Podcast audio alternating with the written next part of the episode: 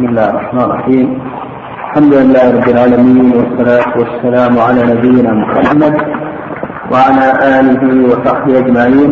الله تعالى مثل الإسلام والإيمان والإحسان ومنه الدعاء والخوف والرجاء والتوكل والرغبة والرهبة والخشوع والخشية والإنابة والاستعانة والاستعاذة والاستغاثة والذبح والنذر وغير ذلك من أنواع العبادة التي أمر الله بها. كلها لله تعالى. والدليل قوله تعالى وأن المساجد لله فلا تدعوا مع الله أحدا فمن صرف منها شيئا لغير الله فهو مشرك كافر. والدليل قوله تعالى ومن يدعو مع الله إلها آخر لا برهان له به فإنما حسابه عند ربه إنه لا يفلح الكافرون. وفي الحديث الدعاء مخ العبادة والدليل قوله تعالى وقال ربكم ادعوني أستجب لكم إن الذين يستكبرون عن عبادتي سيدخلون جهنم داخلين. ودليل الخوف قوله تعالى فلا تخافوه وخافوا إن كنتم مؤمنين. بركة قال المؤلف رحمه الله وأنواع العبادة التي أمر الله بها مثل الإسلام إلى آخره والإيمان العبادة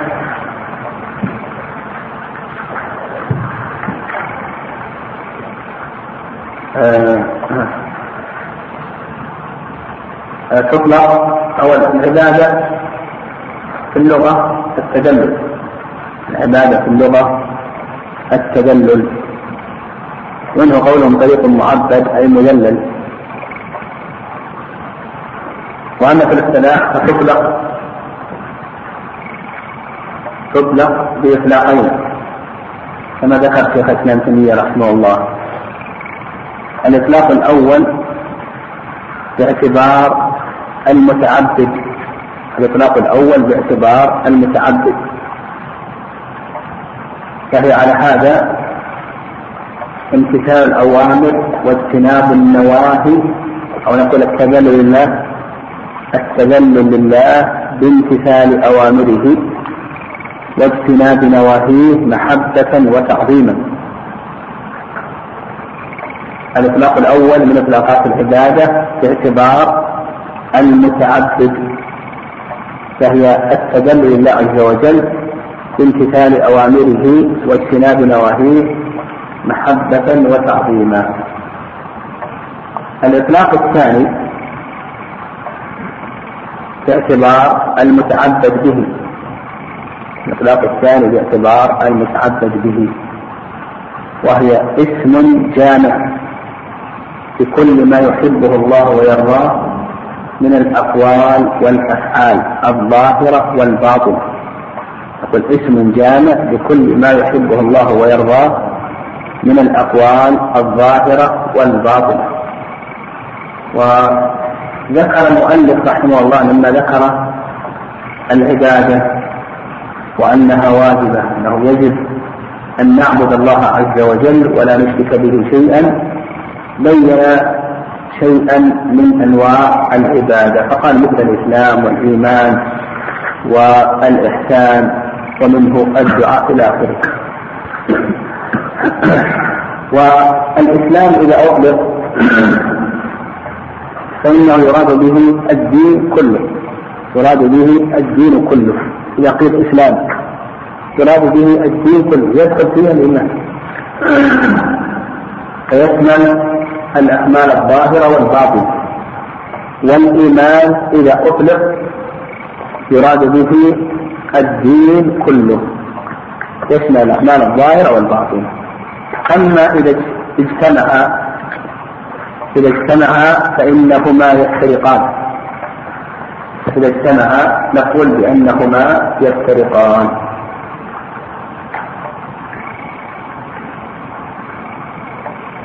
فإذا اجتمع افترقا فيفسر الإسلام بالأعمال الظاهرة والإيمان بالأعمال الباطنة.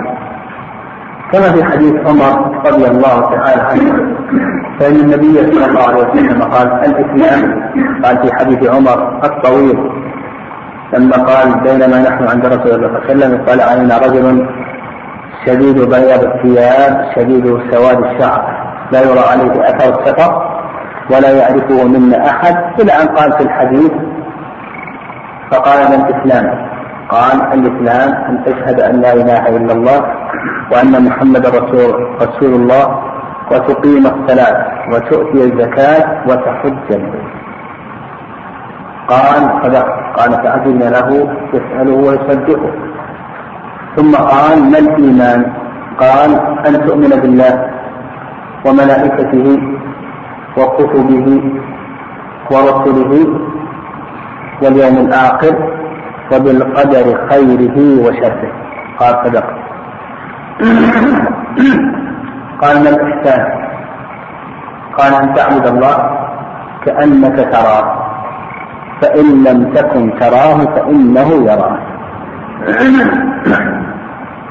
فإذا اجتمع الإسلام مع الإيمان فإننا نفسر الإسلام بالأعمال الظاهرة والإيمان بالأعمال الباطنة. أما إذا خرج في الإسلام في الإيمان فالإسلام يراد به الدين كله والإيمان يراد به الدين كله. قال منه الدعاء والخوف والرجاء والتوكل والرغبة والرهبة والخشوع والخشية. والإنابة والاستعانة والاستعاذة والاستغاثة والذبح والنذر وغير ذلك من أنواع العبادة التي أمر الله بها كلها لله تعالى. هذه أنواع العبادة هذه من أنواع العبادة وهذه سيتعرض لها المؤلف رحمه الله. كل نوع من هذه الأنواع سيذكر دليله وكل نوع من هذه الأنواع له أقسام. كل نوع من من هذه الأنواع له أقسام. فنحتاج أن نقف على كل نوع من هذه الأنواع. فذكر أولا المؤلف رحمه الله الدليل على أن العبادة إنما تكون لله عز وجل. ثم ذكر دليل الدعاء ودليل الخوف ودليل الرجاء ودليل التوكل والرغبة إلى آخره كما سيأتي إن شاء الله. فما هو الدليل؟ على أن العبادة إنما هي لله عز وجل. قال والدليل قوله تعالى وأن المساجد لله فلا تدعوا مع الله أحدا نعم وأن المساجد لله فلا تدعوا مع الله أحدا هذا دليل. مسجد لله ما كان عبادة لله. فلا تدعو لا تعبد مع الله أحد. أو لا تدعو أي لا تعبد. كما سلفا ذكرنا أن الدعاء ينقسم إلى قسمين دعاء عبادة ودعاء مسألة.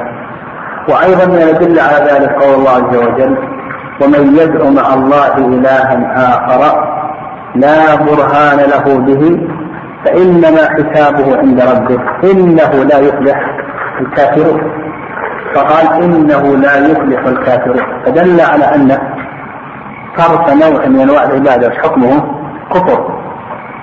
الله عز وجل قال ومن يدعو مع الله إلها آخر لا برهان له به يعني ليس عنده حجة على هذه العبادة والدعوة. فإنما حسابه عند ربه. الله عز وجل هو الذي سيحاسبه على ذنبه هذا. إنه لا يفلح الكافرون. فقوله هنا إنه لا يفلح الكافرون. دليل على أنه كفر بصرف نوع من أنواع العبادة لغير الله عز وجل. وأيضا قوله لا برهان له هذا دليل على أنه لا يمكن أن يأتي بأي شيء لا يمكن. بحجة على جواز صرف العبادة لغير الله عز وجل. قال وفي الحديث الدعاء نصف العبادة. نعم هذا الحديث ضعيف. وشرع المؤلف رحمه الله الآن في آه كما قلنا لما عدد هذه الأقسام عدد هذه الأنواع الدعاء الخوف سيذكر الآن دليلا للدعاء ودليل الخوف ودليل الرجاء ودليل التوكل ودليل الرغبة والرحبة والخشوع إلى آخره. وسنحتاج أن نقف على هذه الأنواع. نحتاج إلى ذلك. قال وفي الحديث الدعاء نصف العبادة. والدليل قوله تعالى وقال ربكم ادعوني أستجب لكم إن يستكبرون عن عبادتي يسمع جهنم إلى آخره. فالدعاء الدعاء عبادة. والدليل قوله سبحانه وتعالى وقال ربكم ادعوني أستجب لكم. إن الذين يستكبرون عن عبادتي فقال إن الذين يستكبرون عن عبادتي سيدخلون جهنم داخل فقال قال الله عز وجل في أول الآية وقال ربكم ادعوني. ثم قال إن الذين يستكبرون عن عبادتي فدل على أن الدعاء ماذا؟ الدعاء عبادة. وأيضا يقول النبي عليه الصلاة والسلام كما في السنن الدعاء هو العبادة. يقول النبي عليه الصلاة والسلام في السنن الدعاء هو العبادة. والدعاء ينقسم إلى أقسام. الدعاء منه ما هو عبادة صرفه لغير الله شرك منه ما ليس عبادة. يعني آه فنقول الدعاء ينقسم إلى أقسام. القسم الأول أن يدعو مخلوقا في أمر لا يقدر عليه إلا الله عز وجل. يقول القسم الأول القسم الأول أن يدعو مخلوقا في أمر لا يقدر عليه إلا الله عز وجل. فهذا حكمه ماذا؟ شرك أكبر. شرك أكبر. مثل أن يدعو المخلوق أن يرزقه الولد أن يجري السحاب أن ينزل الغيث أن يدخله الجنة أن يعيده من النار إلى آخره. هذه أمور لا يقدر عليها إلا الله عز وجل. فإذا دعا مخلوقا في أمر لا يقدر عليه إلا الله عز وجل فنقول بأن هذا شرك أكبر مخرج من الملة. هذا شرك أكبر مخرج من الملة. لأنه ما دعا هذا المخلوق في أمر لا يقدر عليه إلا الله عز وجل إلا وهو يعتقد أن له تصرفا خفيا في الكون. وهذا من خصائص الله عز وجل. تصرف في الكون هو الله عز وجل. القسم الثاني أن يدعو مخلوقا بكمال رغبة أو رهبة لا تكون إلا لله عز وجل. أن يدعو مخلوقا بكمال رغبة ورهبة لا تكون إلا لله عز وجل.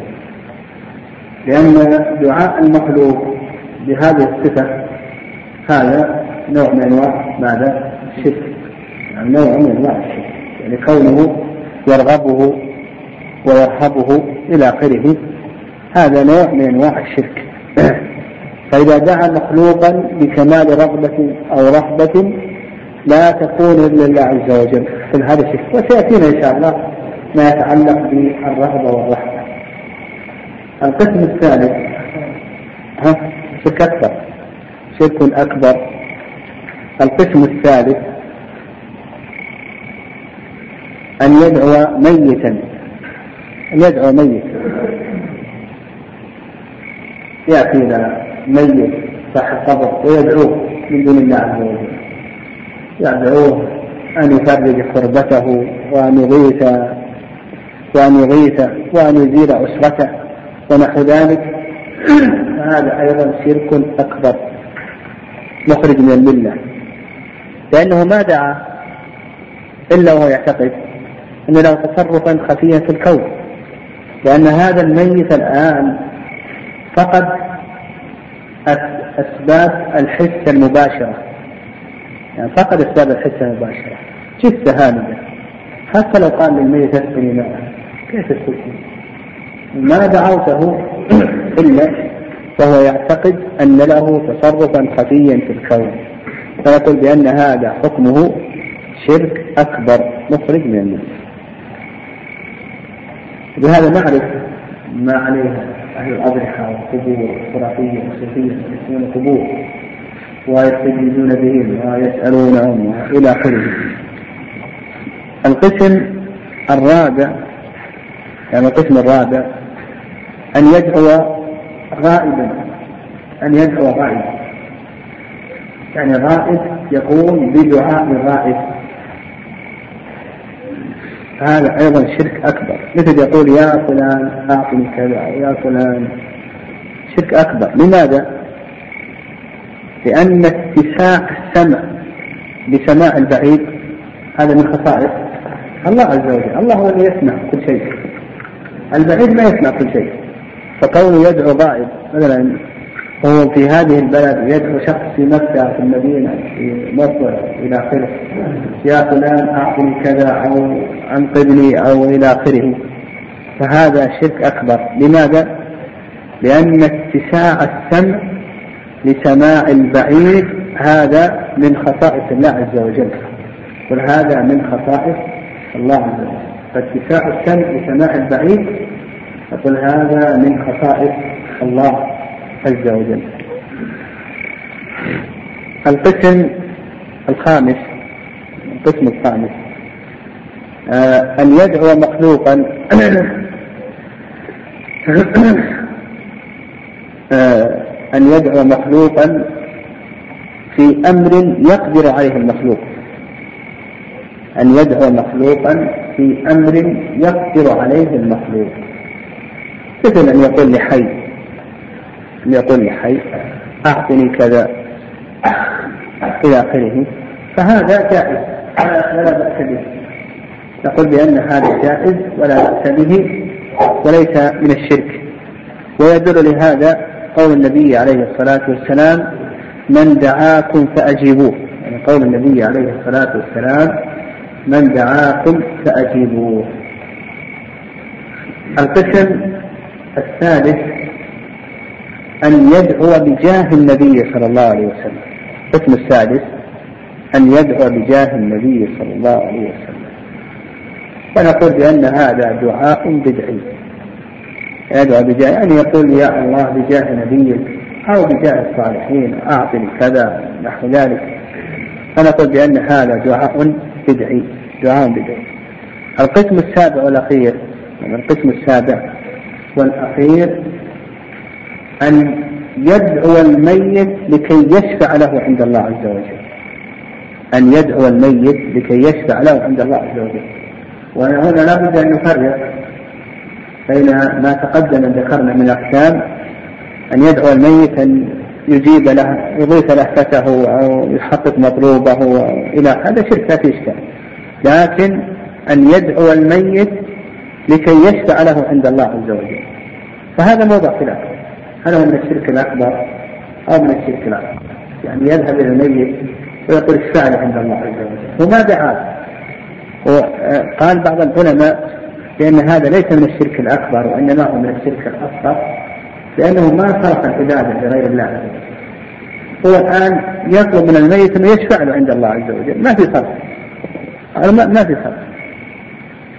صرف لكنه شرك أصغر لأنه من من وسائل الشرك. وقال بعض العلماء بأنه شرك أكبر لأن هذا من عمل المشركين. الذين قال قال الله عز وجل عنهم ما نعبدهم إلا أن يقربونا إلى الله زلفى يعني هذه أحكام. الله أعلم.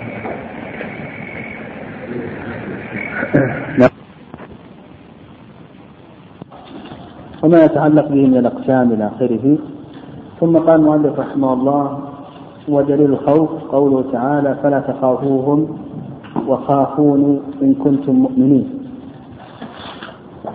استدل المؤلف رحمه الله بهذه الآية على أن الخوف عبادة. ودليل أنه عبادة أن الله عز وجل اشترط للإيمان أن يخاف وحده سبحانه. فقال سبحانه وتعالى فلا تخافوهم وخافوني إن كنتم مؤمنين. فقول إن كنتم مؤمنين هذه إن شرطية. فدل ذلك على أن من مستلزمات الإيمان أن يخاف الله عز وجل. وإذا كان كذلك فهذا يدل على أنه عبادة.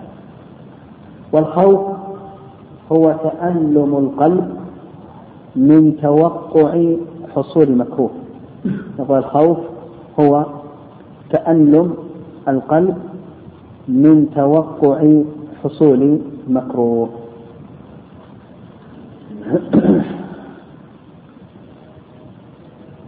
الخوف ينقسم إلى أقسام. الخوف ينقسم إلى أقسام. القسم الأول الخوف من الله عز وجل. وهو من أجل العبادات ومن أعظم أعمال القلوب. من أجل العبادات ومن أعظم أعمال القلوب. ويدل لذلك قول الله عز وجل وإياي فارهبون وإياي فارهبون. خص الرهبة بمن؟ بالله عز وجل. يعني خص الرهبة بالله عز وجل والرهبة نوع من الخوف فدل ذلك على أنها عبادة من أجل العبادات. وأيضا قول الله عز وجل إنما يخشى الله من عباده العلماء.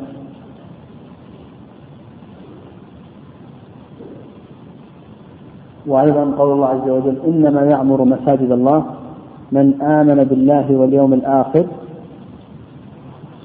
ولم يخشى إلا الله. قال ولم يخشى إلا الله. فدل على أن خشية الله عز وجل عبادة لأن الذي يعمر مساجد الله عز وجل هو الذي يؤمن بالله واليوم الآخر ويخشى الله عز وجل لا يخاف إلا الله عز وجل.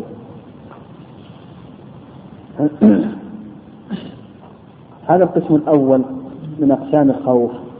القسم الثاني خوف السر. نعم القسم الثاني خوف السر. يعني عبر به بعض العلماء هذا التعبير. نعم خوف السر. وهو أن يخاف من غير الله عز وجل أن يصيبه بمشيئته وقدرته. يقول خوف السر أن يخاف من غير الله عز وجل أن يصيبه بمشيئته وقدرته. كأن يخاف من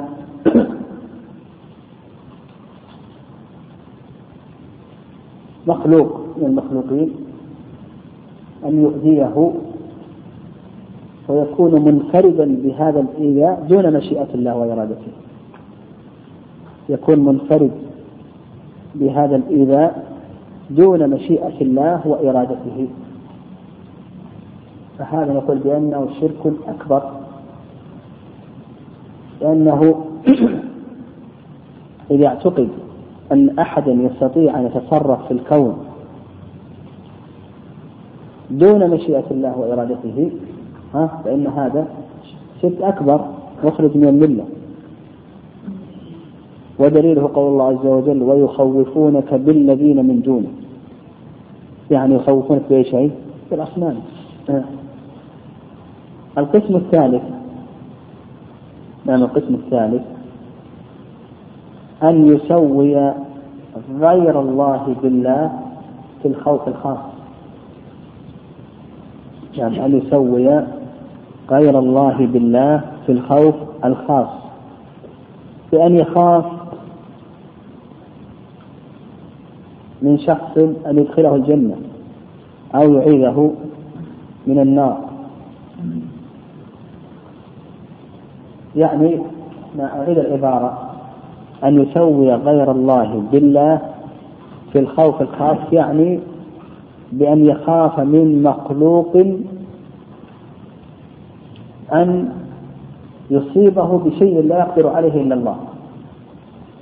يعني أن يخاف من مخلوق أن يصيبه بشيء لا يقدر عليه إلا الله عز وجل.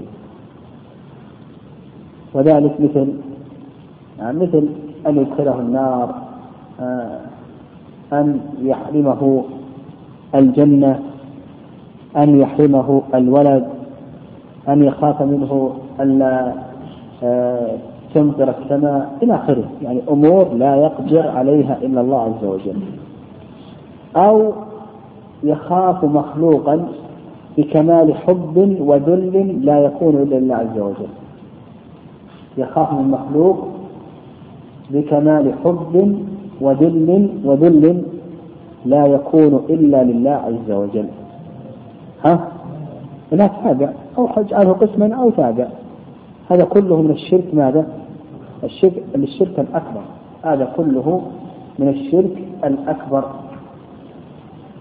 القسم الرابع نعم القسم الرابع.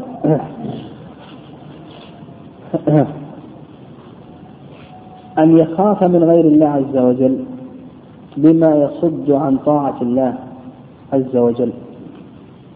أن يخاف من غير الله بما يصد عن طاعة الله عز وجل. فهذا جعله بعض العلماء كالشيخ عبد الرحمن بن حسن من الشرك الأصغر. يعني جعله بعض العلماء كالشيخ عبد الرحمن بن حسن هذا من الشرك الأصغر وهذا يعني أن يخاف من غير الله عز وجل بما يصد عن طاعة الله عز وجل. فجعل من الشرك الأصغر يعني يخاف من شخص يترك العمل لله عز وجل. خاصة من هذا الشخص. واضح؟ فجعله من الشرك الأصغر. الشيخ عبد الرحمن بن حسن رحمه الله طيب. القسم السادس الخامس. نعم القسم الخامس. الخوف الواجب. يعني القسم الخامس. الخوف الواجب. وهو الخوف الذي يدفع إلى فعل الواجبات. إلى فعل الواجبات من صلاة الجماعة من آه، أداء الزكاة من صيام رمضان من بر الوالدين من صلاة الرحم إلى آخره. هذا خوف واجب. القسم ها؟ داخل في الأول لكنه آه، خوف واجب هذا. القسم السابع السابع الخوف المستحب. يعني القسم السادس الخوف المستحب. وهو الخوف الذي يدفع إلى فعل المستحبات. الخوف الذي يدفع إلى فعل المستحبات. مثل السواك والسنن الرواتب وقيام الليل صلاة الوتر يخاف من الله عز وجل فيقوم الليل ويصلي الوتر يخاف السنن الرواتب إلى آخره. فهذا نقول بأنه ويترك المكروهات أيضا. هذا نقول بأنه خوف مستحب يعني خوف مستحب. آه طيب. آه أيضا القسم السابع الخوف الطبيعي.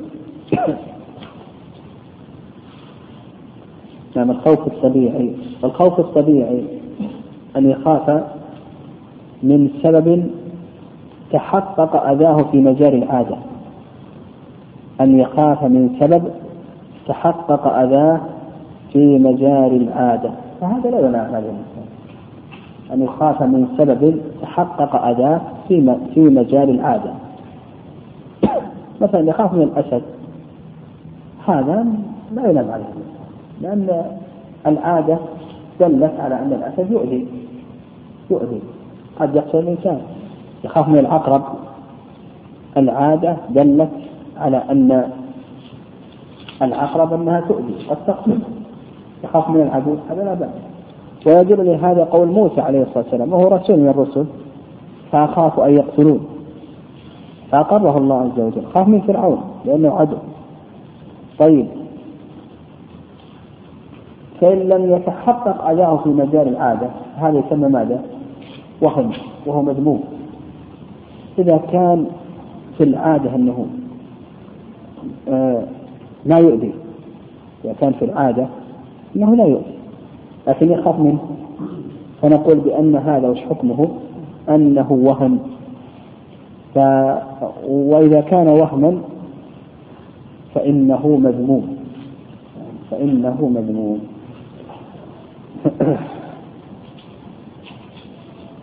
ولهذا جعله بعض العلماء من الشرك الأصغر. فذكروا قسما سابعا. كم؟ الثامن. القسم الثامن.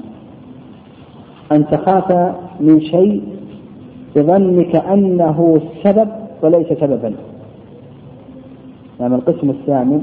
أن تخاف من شيء بظنك أنه سبب وليس سببا. كأن يخاف من الظلام. لذات الظلام لا لما يقع فيه. الذي يقع فيه قد يؤذي لكن يخاف من الظلام لذات الظلام. بذات الظلام. فالظلام هذا ليس سببا. هذا ليس سببا يعني فقالوا بأن هذا من الشرك الأصغر. نعم. قال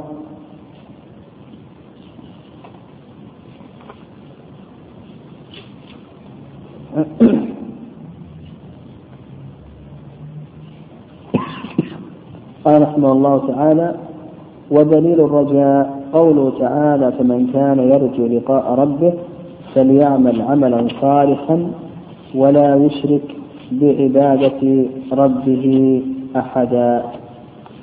الرجاء هو طمع الإنسان في نيل أمر قريب المنال يقول الرجاء هو طمع الإنسان في نيل أمر قريب المنال وقد يكون وقد يكون بعيد المنال تنزيلا له منزلة القريب. وقد يكون بعيد المنال تنزيلا له منزلة القريب. فالرجاء هذا عبادة. يعني الرجاء هذا عبادة. وذكر المؤلف رحمه الله بأنه رجاء أنه عبادة قال فمن كان يرجو لقاء ربه فليعمل عملا صالحا ولا يشرك بعبادة ربه أحدا.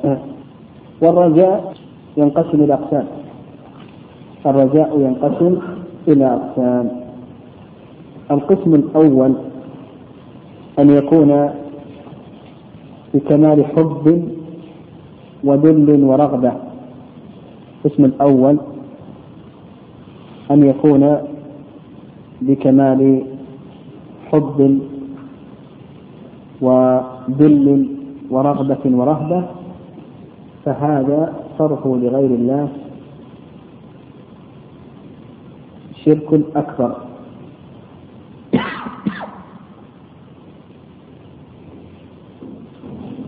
القسم الثاني القسم الثاني.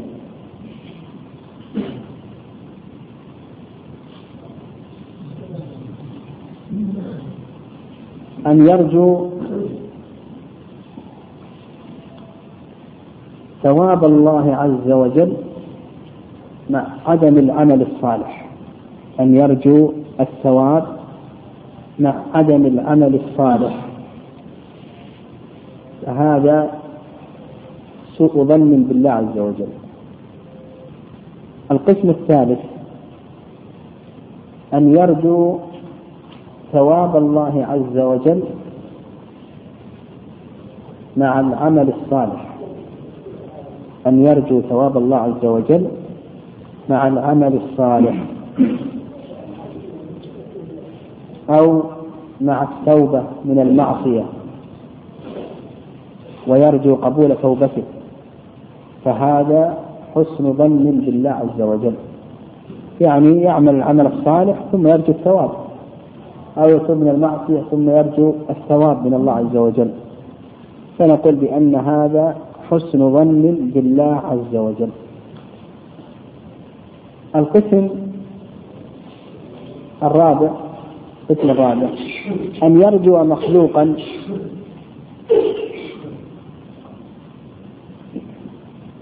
في أمر يقدر عليه المخلوق. ولا يصحبه شيء من الرغبة والرهبة ونحو ذلك. فنقول بأن هذا جائز ولا بأس به. القسم الخامس القسم الخامس. أن يرجو مخلوقا في أمر لا يقدر عليه المخلوق. ومثل أيضا من يرجو أهل القبور ونحو ذلك. فنقول بأن هذا شرك أكبر مخرج من الملة. قال رحمه الله ودليل التوكل قوله تعالى وعلى الله فتوكلوا إن كنتم مؤمنين ومن يتوكل على الله فهو حسبه التوكل أيضا عبادة. من أجل العبادات القلبية. والتوكل في اللغة الاعتماد. وأما في الاصطلاح فهو الاعتماد على الله عز وجل بفعل الأوامر واجتناب النواهي مع فعل الأسباب. نقول في الاصطلاح الاعتماد على الله عز وجل بفعل الأوامر واجتناب النواهي مع فعل الأسباب. والتوكل كما أسلفنا هذا عبادة من أجل العبادات بدليل أن الله عز وجل جعلها شرطا في أي شيء؟ في الإيمان. قال إن كنتم مؤمنين. هذا يدل على أن من خصائص الإيمان التوكل على الله عز وجل. فالتوكل ينقسم إلى أقسام. التوكل ينقسم إلى أقسام. القسم الأول التوكل على الله عز وجل. القسم الأول التوكل على الله عز وجل. وذلك بأن يفوض المسلم أمره إلى الله سبحانه وتعالى ويفعل الأوامر ويجتنب النواهي ويفعل الأسباب ويعلق قلبه بالله سبحانه وتعالى. فهذا نقول بأنه عبادة من أجل العبادات. يعني